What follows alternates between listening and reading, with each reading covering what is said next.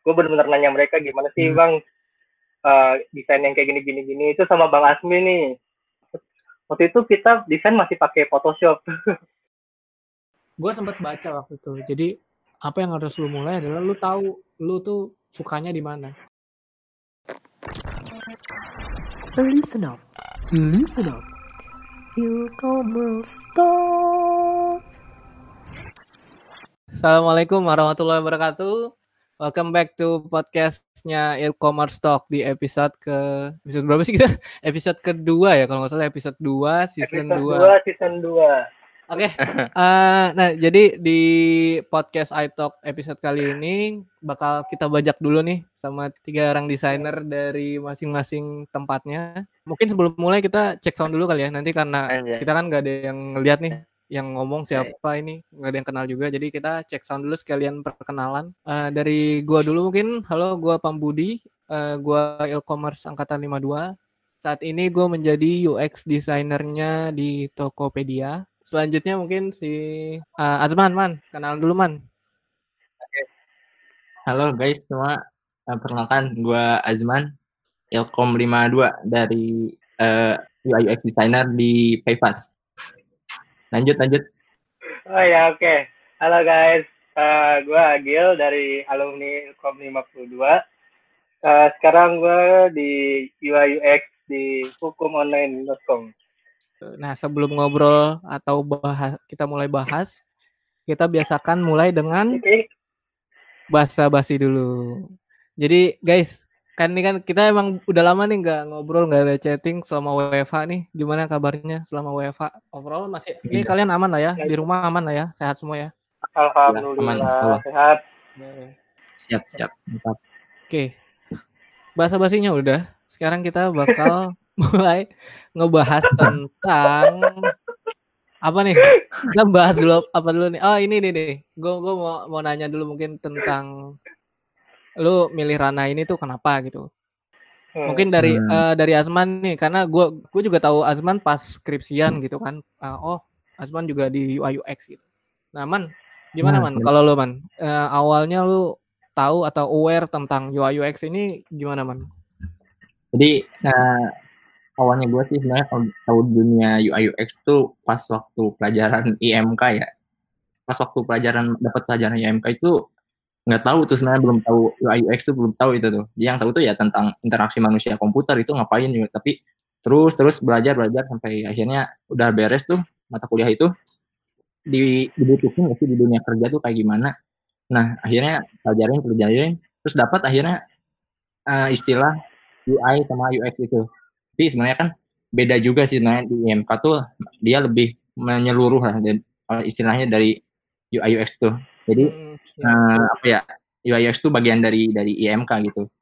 Berarti Ah. seta- saat emang pas setelah IMK lu sudah memutuskan oh ini nih gue fokus di sini gitu. Betul. Iya betul. Oh, Terus oke. pas gitu eh, di semester berikutnya setelah lulus IMK gue pengen daftar jadi asprak apa gitu. Pak, ah, ah. Nah, gue targetin itu ya akhirnya capai lah di semester 7 buat jadi asprak IMK. Nah, setelah udah asprak, Anjay. Nah makin tertarik tuh sama dunia UI UX dan akhirnya gue skripsinya tentang UI UX gitu kayak gitu sih. Oke, oke. Ah, kalau lu gimana Gil? Em, pas IMK sih ya. Gue kan pas IMK gue bener-bener eh, nanya-nanya ap- apa eh, nanya-nanya asisten kita juga ya. Abstraknya kayak waktu itu abstraknya kalau nggak salah gue Bang Raven sama Bang Nizar gue bener-bener nanya mereka gimana sih Hmm. Bang eh, desain yang kayak gini-gini gini itu sama Bang Asmi nih waktu itu kita desain masih pakai Photoshop Iya, anjir. zaman-zamannya Ya, susah banget itu. Ah, Iya, susah banget. Iya, iya, iya. Kalau gua ya, ini kalau gua mungkin selama kuliah di awal-awal ya, gue cuman di ya tentang desain grafis kan, desain biasa kan. Ya, tapi gue nggak aware tentang UI UX gitu bahwa di dunia ilkom tuh ada ranah UI UX gitu. Justru gua Nah, aware itu pas eh Gemastik. Terus oh ada cabang lomba eh, desain pengalaman pengguna. Gue nggak nyadar kalau itu tuh user experience Oh, iya, design. gue nggak tahu gitu Iya benar. ya udah terus pas tadi bener juga sama kayak Asman nggak ng- ngambil IMK terus nargetin jadi asprak terus juga emang selama kuliah gue gue dekat sama Hmm. Kating gitu kan senior kita gitu si Bang Pandi, Hmm. Bang Raven, Bang Nizar gitu emang karena gue dekat jadinya gue sering bareng ngobrol bareng belajar lah dari mereka lah senior senior kita. Nah. Oh, oh. lanjut nih kita ada lagi nggak ya mungkin nanti eh, kita run through aja lah ya kita Hmm. bahasan sekarang tentang dunia kerjanya Jai Ya, gimana man kita mulai apa dulu nih man Gil bahas apa dulu nih? Apa ya? gue mau tahu sih pas hiring di Tokped apa Paipas gimana sih?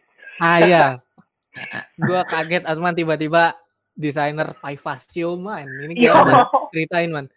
Gua sih kok waktu udah lulus ya udah sebelum sebelum ini sih belum sebelum wisuda ya. Sebelum wisuda tuh udah udah ngeplay ngeplay ke dunia eh, pekerjaan-pekerjaan gitu ya. Jadi tapi yang gua fokusin tuh pas gua ngeplay kerjaan tuh eh, yang gua pilih tuh ya UI UI UI UX itu. Jadi kalau nggak UI designer atau UX designer nah itu aja dua lu Gua ngeplay nggak berapa berapa banyak kalau boleh tahu? Banyak, Banyak nggak sih? banget. Di atas puluhan banyak banget nah. wadaw. Banyak. Terus eh, beberapa minggu kemudian nah dapat nih nyangkut yang ini yang bypass dan ada beberapa juga yang lain juga yang dapat nah pas, ya, terus gimana tuh man? Proses seleksi. nah udah akhirnya gua ikutin eh, wawancara ikutin tes nah setelah itu Hmm. eh, tes dulu apa wawancara dulu tes dulu deh tes dulu tes dulu terus Oh. wawancara nah baru dapet tuh email ya alhamdulillah keterima di situ ya udahlah alhamdulillah nah, akhirnya Alhamdulillah. ya, gue ambil itu ya sampai sekarang sih begitu sih kalau cerita di Keren. Keren. Itu berarti ah, ya hampir sama lah ya. Kalau eh kalau gua man Gil itu ah, Agil nggak usah. Kalau gua man, gue ceritanya ke Azman aja Hmm? nih Agil dengerin aja.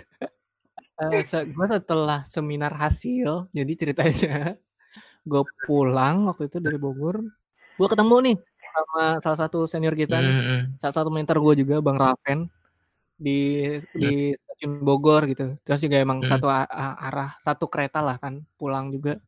Udah ngobrol-ngobrol gimana di Tokped gitu emang.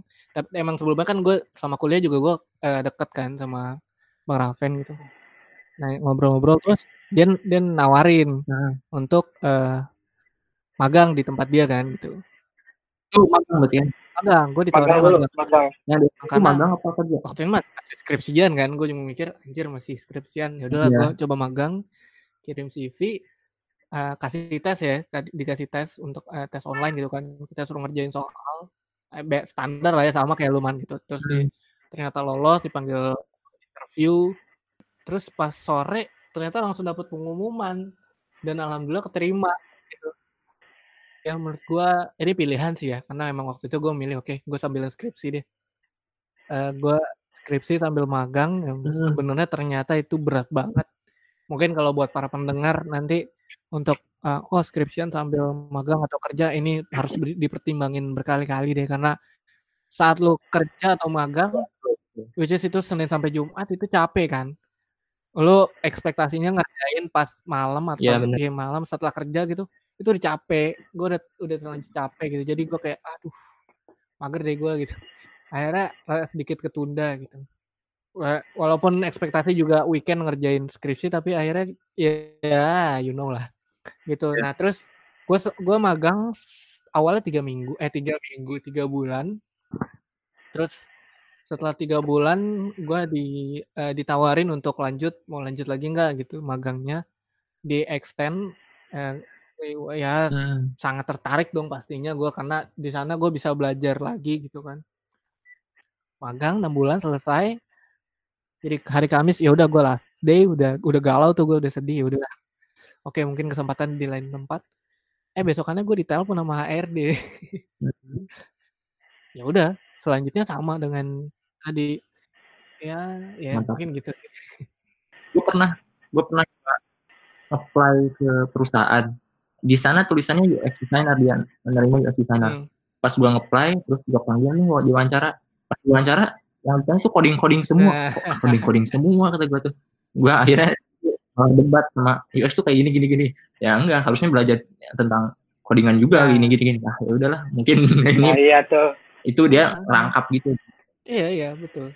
Jadi emang gua gua mau mention mungkin tadi sempat diomongin juga Yap. sama Azman ya. Eh kalau sem- nggak semua ini ya nggak semua perusahaan itu Hmm. tentang apa ya ngelihat UI UX itu sama iya nggak sih man? Nah mungkin ini yang jadi kita akan bahas adalah komposisi tim desainnya ya di masing-masing nih. Yo, Dari Agil ya. Gil. Kalau dari hukum online gimana Gil komposisi tim desainnya? Karena kayaknya Um, baru ya UI UX ya di hukum online atau gimana? Salah satu yang baru juga. Tim desainnya atau tim core-nya nih? Bedanya apa? Eh, kan kalau tim desain kan ada Apa tuh? tim desain ya biasanya terbagi sama anak UX market apa UX-nya nih UX writing-nya itu ya lah wordingannya terus Oke. eh, desainernya sama ilustrasinya Hmm. kalau Oh, itu di lu kalau kayak gua gitu. ada ya? tim desain sama tim core-nya kalau tim core kan biasanya tim produknya ya tim front end-nya Hmm. tim back end tim analyze Ya, sama tim desain tim pro apa tim UX-nya itu pembagiannya per fitur gitu atau gimana?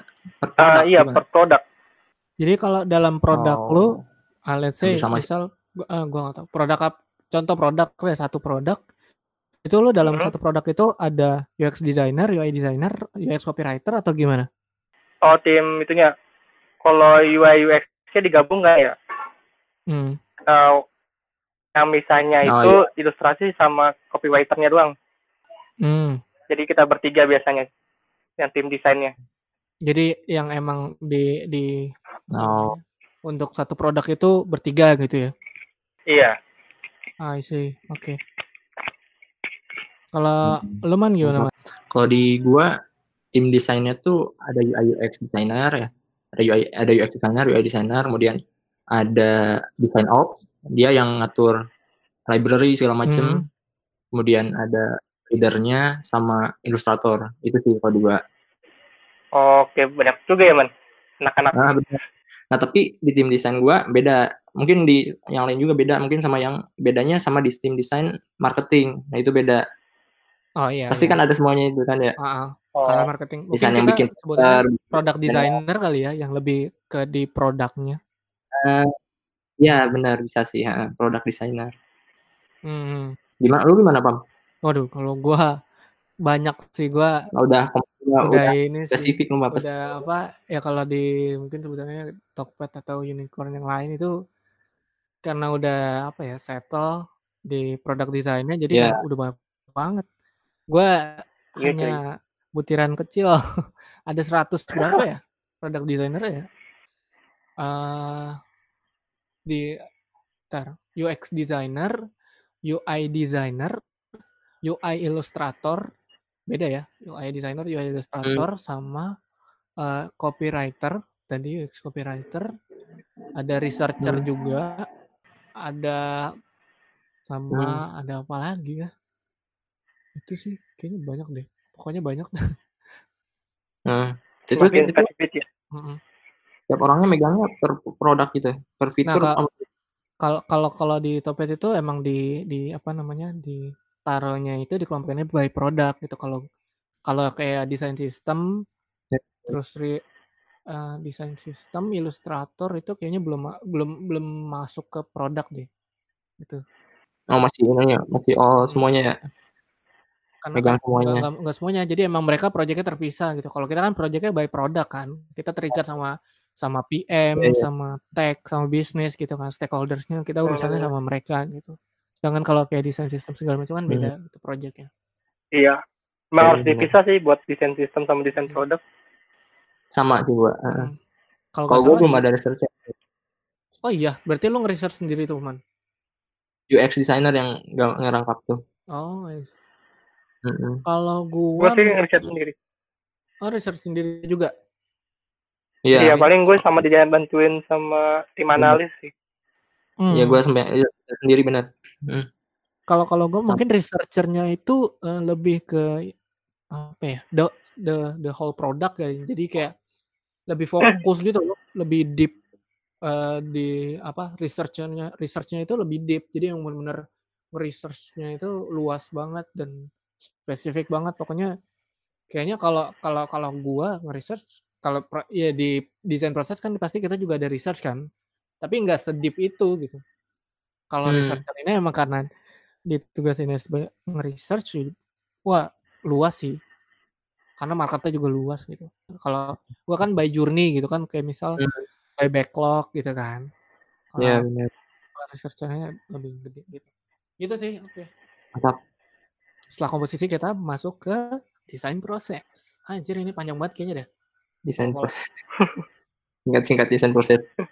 Desain proses masing-masing kalau dari gua dulu kan ya. Mungkin kalau dari gua nah, prosesnya uh, sama sih. Jadi uh, kita mas kita tuh dapat kerjaan itu dari kan kita by sprint ya sprint yeah. planning uh, overall ya mungkin hmm. ada beberapa juga nggak nggak sprint tapi uh, per, per week itu ada sprint di awal week di awal minggu jadi di situ kita nentuin backlog gitu dari uh, PM ngasih backlog ini kita minggu ini ngerjain apa nih? Gitu. Terus oh. dari situ ya tadi dapat kerjaan ya udah uh, ada yang udah ngasih PRD jadi udah ada requirementnya dikasih selama seminggu dikerjain. Kalau gue gitu sih. Mantap mantap. Jadi nanti pas di akhir kalau misalnya udah mungkin ada beberapa revisi lagi ada perubahan kayak gitu nanti baru ada iterasi kedua atau kita nambah sprint gitu kalau hmm, gue biasanya kalau gue di sekarang ini karena gue dipisah ya UX sama UI hmm. jadi gue sprint satu itu UX gue uh, present draft UX-nya jadi which is masih wireframe masih flow gitu nanti kalau udah udah nanti gue rapihin lagi di next sprintnya gue handover ke UI hmm. sama copywriter juga gitu nanti oh. minggu kedua review lagi untuk handover ke tech kalau gue gitu sih Mantap. Uh. gimana hmm. guys oke okay. Gil gimana Gil? Oke, kalau gue tuh tiap sebenarnya tergantung produk sih ya. Jadi tiap minggu tuh ada produknya masing-masing. Nanti um, biasanya ada brief apa sih meeting bareng sama PM-nya. Hmm. Terus sama tim DevOps juga ada, sama tim core IT-nya juga ada. Jadi kita biasanya meeting buat itu seminggu sekali. Nah, ada juga uh, daily stand up. Daily stand up ini setiap hari sih. Setiap hari oh, kita daily stand up. Di, di hmm, daily stand up itu setiap hari nanti tergantung timnya. Ada misalnya tim A itu jam sekian, tim B jam sekian. Hmm, cuman setiap Jumat itu ada apa sprint review sih biasanya dari tiap-tiap tim. Sama lah ya. Hmm. Jadi gue masuk tim B, jadi gue itu ikut sprint review yang tim B gitu. Oh. Hmm. Nah, lu bisa megang dua produk gitu ya, Gil, dalam satu minggu itu? Iya, gitu sih. Biasanya gitu. Uh, meskipun yang produk pertama lagi jalan gitu? Iya, emang kan namanya uh, kita mesti benar-benar prepare sih bagaimana Betul. buat kesiapan kayak gitu kan. Iya benar-benar. Kalau lo gimana man? Kalau gua di gua tuh desain uh, desain prosesnya itu pakai ya desain sprint ya. Nah kalau hmm. misalkan uh, ini sama kayak yang lain juga ada PM-nya juga. Kalau misalkan desain sprint sprint hari pertama itu ada semuanya kumpul tuh stakeholder. Terus ya biasa sama kalau misalkan ada PRD, PRD itu ya kayak uh, apa ya? Apa sih um, requirement gitulah. Ya, dokumentasi uh, requirement produk. PM, itu itu lebih cepat ya. Tapi kalau belum ada itu agak lama itu bisa nggak apa kita butuh waktu tambahan lagi gitu nggak cuma lima hari doang. Nah gitu. Terus misalkan ini udah beres nih selesai semuanya di hari pertama hari kedua hari ketiga itu kita bikin desainnya seperti apa. Kemudian kita riset juga tuh kalau misalnya itu interview interview juga di situ. Dan uh, apa kendala-kendalanya gitu kayak gimana. Nanti di review semuanya bareng-bareng dan hasilnya nanti dikasih ke PM kayak gitu sih hampir sama semuanya kayak gitu. Terus kalau misalnya butuh-butuh request ilustrasi segala macam itu uh, apa di request sebelum sebelum desain sprint kayak gitu sih kalau gue itu. Dan apa ya satu lagi sih mungkin di eh, apa ketika kita kerja di perusahaan kayak gitu harus siap-siap apa ya pinter komunikasi lah jangan diem aja kalau misalkan ada Itu betul sekali. apa Ya itu betul sekali. ya benar jangan diem itu jangan diem kalau misalkan disuruh Oh. A dan gua nggak bisa gitu jelasin Iya. nggak bisa ngapain Jelas. macam kayak gitu Kan kalau nggak ngerti ya tanya gitu kan, jangan cuma iya iya aja. yang cuma diem dan iya iya aja gitu tanya gitu kalau nggak tahu tanya gitu gitu sih Karena gue awal-awal gitu, gue iya iya aja. Ya. Gitu, gua kayak, aduh ternyata kayak soalnya bah- bahkan Iya. dari kayak lu akhirnya di handover product, lu kayak ya lu harus tahu dulu background yang tanya ini kenapa mau dibuat kayak gini gitu kan. benar benar benar betul By the way apalagi ya? Eh, kayaknya oh challenge. challenge Mungkin itu apa tuh challenge challenge yang lo masing-masing hadapin nih selama desain proses dari Oh. Azman Oh. ya Azman siap tadi. Gimana man? challenge setiap desain proses tuh kalau bikin apa ya eh, apalagi kalau misalkan gue kan bikinnya aplikasi baru ya jadi di situ challenge-nya banyak banget ya. Karena kan belum ada fitur-fitur sebelumnya nih. Jadi misalnya ada fitur baru nih fitur A misalkan. Si fitur A ini belum ada desain-desain sebelumnya misalkan dari desain backend sheet-nya segala macam itu belum ada. Nah itu tantangan banget dan butuh referensi sana sini itu nah itu yang bikin apa mantap sih untuk menekan tantangan si challenge-nya itu nah challenge-nya itu itu biasa gue bikinnya mobile disuruh bikin web kemudian bikin dashboard juga nah itu nah, itu Kalau kalau gue soalnya emang udah biasa sih pasti bikin mobile version sama desktop version sih. Kalau lu nggak nggak terlalu Eh. sering. Iya, gue sih ya. Jadi tapi sekarang udah biasa. Lu gimana Gil? Eh, apalagi man? Ada lagi nggak man? Challenge man?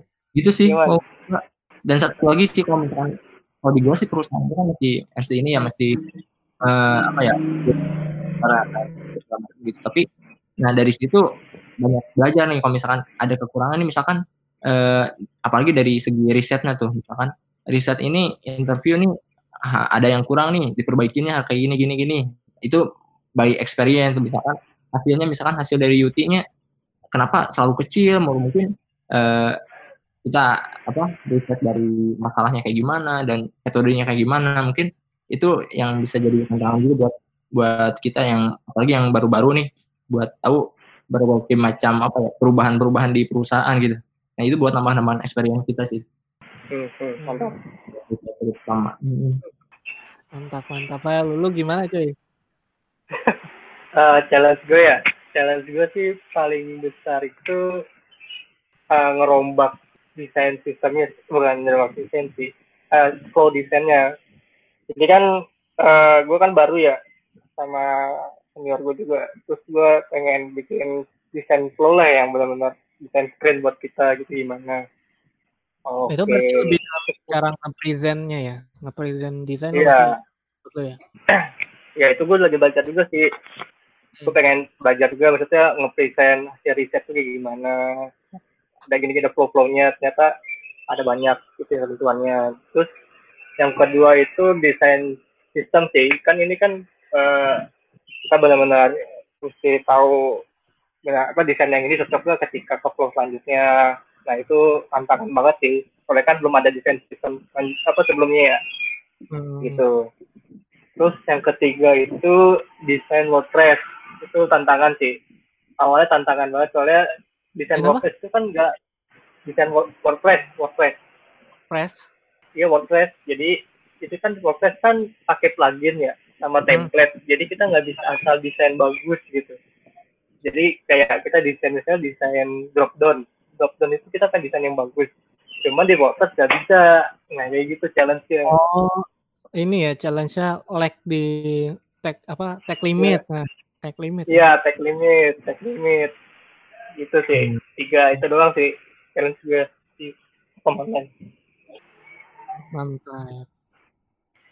udah mungkin Nah, dari situ. Ya, lu, lu gimana, Bud? Oh, iya. Challenge. dah deh dah deh aja challenge terbesar gua menurut gua di gue sendiri sih apa ya kayak gua kayak masih banyak kekurangan gitu loh dalam proses desain prosesnya. Kadang-kadang kayak eh gua ngerasa terburu-buru jadi kayak langsung loncat ke wireframe which is itu kan sebenarnya eh, harus dihindari ya sebagai UX designer ya. Jadi Hmm. kayak lu proses ideation itu karena gua eh, tadi kadang-kadang ada ngerasa terburu-buru jadi proses define-nya ideation itu kadang-kadang eh, gue ke skip terus kayak oh mungkin tadi sama sih challenge-nya itu ada di tag limit ka- kadang-kadang ya.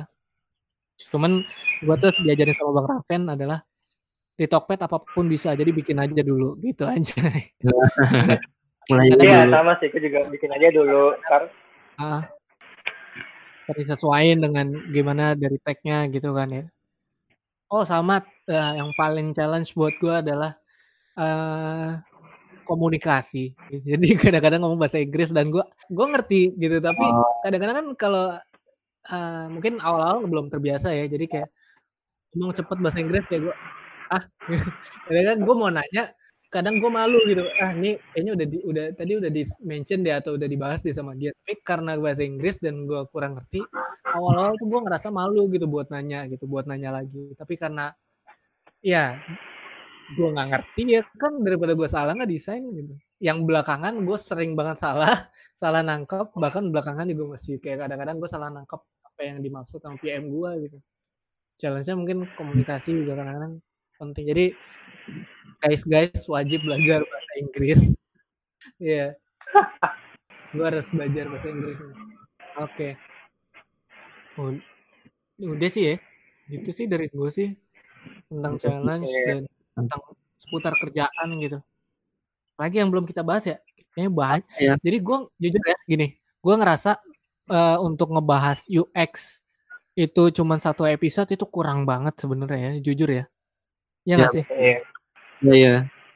Mm, karena kalau lo mau belajar UX udah banyak gitu referensinya. Jadi kalau kita mau bahas lagi Ya. tentang apa itu UX, apa itu UI gitu, kayaknya kurang Ya, ya. gitu satu episode. Jadi gue pengennya kita emang bahas atau ngobrol tentang pengalaman kita masing-masing gitu kan di tempat ki- Iya, kerja iya. kita masing-masing gitu.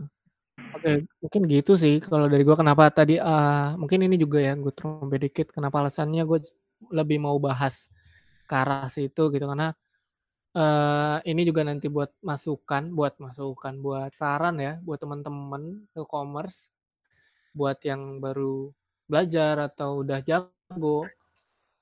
Ba- referensi buat belajar UX itu banyak sekarang, apalagi nih, ini buat eh, gua ngerasa opportunity-nya itu di sekarang itu Ilkom udah ada komunitas Agri UX kan, which Iya, is benar. dulu waktu awal waktu dulu kita belum ada kan, ya Belum sih? ada. Ya, jadi gue nggak tahu ah nggak ada atau kita nggak ngeh mungkin tadi bahkan gue juga baru tahu dari Anggil kan ada komunitas jadi menurut gue kalau kita ngajarin tentang apa itu UX kayaknya mereka lebih jago gitu. Kayak anak Ilkom sekarang udah lebih jago deh tentang UX gitu. Tapi Iya, yang mereka belum belum tahu atau mungkin kadang-kadang mungkin mereka lupa gitu. Alasan mereka memilih UX alasan mereka kenapa akhirnya pindah ke UX gitu. Dan itu Hmm. yang itu menurut gue eh, motornya mereka untuk motivasi mereka untuk terus belajar gitu di UX gitu. Iya. Hmm, betul. jadi eh, nah ini juga nih salah satu menurut gue yang penting adalah saat lo tahu alasan lo untuk milih UX kenapa itu jadi apa ya lo tahu mau ke arah mana gitu maksudnya gini Iya. eh, mungkin ini juga yang sering ditanya beberapa gimana sih kalau gue mau belajar UX atau ya UI UX atau UX design product design. Gue harus mulai dari mana belajar? Gue sempat baca waktu itu. Jadi apa yang harus lu mulai adalah lu tahu lu tuh sukanya di mana. Kalau lu su cuman suka desain gambar ya mungkin lu lebih ke ilustrator gitu. Mungkin bukan di UX mungkin lu di UI gitu kan. Karena lu lebih suka desain tampilannya warnanya gimana bentuknya. Itu kan itu itu lebih ke UI nggak sih? Gitu Iya. Jadi lu tahu alasannya lu eh, ke mana untuk tahu lu fokusnya nanti di mana Ya, itu sih benar. Kalau misal Iya. lu suka lebih suka di Oh, pem, apa ya? Pengkomunikasi, pengkomunikasi. Gue nggak tahu namanya apa. Mengkomunikasikan produk. Mungkin ternyata lo lebih tertarik ke UX copywriter gitu kan, atau mungkin ya masih banyak lah gitu. Jadi kenalin dulu nih, lu tuh kenapa mau belajar UI UX gitu. Dari situ lo tahu ke mana. Iya. Betul. Anjay, anjay nggak sih? Iya benar. Tapi kalau buat tingkat satu, tingkat dua sih kayaknya masih random ya. Iya Masih belum tahu masih jati dirinya mau ke mana. Explore Iya. aja sebanyak Kenapa? mungkin lah untuk anak Telkom. lanjut satu lagi Pam. Apa nih? Apa satu Pam, lagi? terakhir. Ya kalau gue tadi advice udah sih. lo kenalin dulu diri lo, baru lo akan tahu lo akan belajar ke mana. Oke. Kalau dari gua sih advice-nya eh kalau misalkan benar kayak Pam Budi tadi. Jadi eh, cari dulu nih kita fokusnya nanti ke depan buat mau jadi apa nih. Nah, kita mikirnya tuh nggak cuma satu tahun ke depan ya, tapi mikirnya tuh eh, kita buat lima tahun ke depan, terus 10 Yes. tahun ke depan kita mau jadi apa gitu. Meskipun nanti eh, suatu saat nanti misalkan lima tahun kita jadi UX, tiba-tiba nanti jadi project manager atau jadi apa, nah itu eh, fokusin dulu, kemudian setelah kita fokus pelajari nih pelajari apa yang udah eh, kita mau capai itu pelajari itu gimana eh, cara kerjanya nanti mau misalkan di dunia kita milih dunia UX tuh dunia UX tuh kayak gimana kemudian banyakin Hmm. ikut seminar-seminar juga baca-baca eh, apa di internet tuh banyak tentang UX tuh kemudian eh gitu sih kalau di gua Cuman, Emang. Gil, nasihat untuk adik-adik e-commerce. Aduh. Oke, kalau dari gue nih ya, mungkin ini pasti buat kalian yang generasi muda lah ya. Eh, mungkin tingkat satu, tingkat dua, tingkat tiga ya. Eh, mungkin gue pengennya ya, kalian tau lah, kalian mau ke arah mana. Gak mesti ke UX juga, gak mesti ke ya engineer atau apa pun kalian bisa lakuin di dunia e-com ya. Yang penting kalian eh, tahu sih ranah kalian mau ke arah mana, terus kalian apa prepare arah mana jadi kalian nggak bingung lagi terus ya buat nyari kerja nyari kerja menurut gue emang gak terlalu apa sih eh tergantung ya tiap orang punya challenge masing-masing terus punya em, ya tempatnya masing-masing lah sama rezekinya masing-masing ada yang cepat ada yang lambat. Ya. Itu aja sih. Yang penting ya. Oke, oke. ikhtiar dan berdoa. Ikhtiar dan ya istirahat dan berdoa. Sama itu paling apa ya? Nasihat buat skripsi nggak sih ini? Ya udah yang penting skripsi kalian beresin dulu menghambat ya nggak menghambat masa depan kalian Gue setuju sih. Jadi emang mungkin eh, nasihatnya beda-beda ya. Jadi emang kalau untuk yang awal-awal kayak tingkat satu, tingkat dua itu emang ya lu explore sebanyak mungkin lah gitu. Jangan eh, bukan berarti kita ngelarang ke UI Iya. UX enggak. Gue gue sangat support kalau lu emang udah yakin tapi tentuin dulu Iya. eh, explore dulu lah gitu ya. Ilkom tuh luas gitu. Jadi Betul. jangan terburu-buru lu merasa lu salah jurusan enggak gitu. Banyak kok. Iya. Jadi betul dari situ tuh baru yang tingkat tiga yang udah lu mulai fokus, tingkat empat jangan lupain skripsinya. Baru nanti hmm, bertahap lah, bertahap. Semua juga kan bertahap itu baru nanti ngerasain Betul. apa dunia kerja gitu. Jadi eh, mungkin thank you banget buat Azman, buat Agil eh, udah nyempetin waktunya. buat Pak Budi juga thank you banget Thank you Iya. buat ya buat episode podcast kali ini yang kita bajak. Semoga panjang eh, banget semoga podcast ini bermanfaat. Ikutin terus podcast Ayo e-commerce talk anjay. Ikutin terus podcastnya iTalk di tiap hari apa ya? Kita Sasa tiap hari Selasa. Sasa Ya. Tiap hari Selasa bakal ada episode baru jadi eh, stay tune cia anjay. Pantengin aja jangan terus. lupa jangan lupa tanya-tanya Oh seputar enggak, enggak. Gue kira subscribe. ya, terus juga kalau kalian mau nanya-nanya atau mau komen atau kayak mau kasih feedback apa pun silakan tulis aja di komen IG-nya e-commerce talk ada di at italk.2020 ya di Instagramnya Iya. italk. Iya. Komen aja di situ misal kalian ada eh, masukan atau ada hal yang kalian pengen sampein tulis aja di komen di podcast episode yang kalian sukain. Atau bisa juga di, ada link di apa info di sana. Eh info. Ada link untuk nanya-nanya langsung karena tiap hari tiap hari Sabtu ya tiap hari Sabtu atau Minggu. Kayak week- weekend weekend ya? Ya tiap weekend itu kita ada eh, tanya jawab langsung sama narasumber di podcastnya gitu. Jadi stay tune aja terus di iTalk 2020 oke gitu aja. guys thank you buat semuanya. Eh, kita tutup. 5 4 3 2 1 oh enggak ya. Oke, thank you semuanya. Ya, Assalamualaikum warahmatullahi wabarakatuh.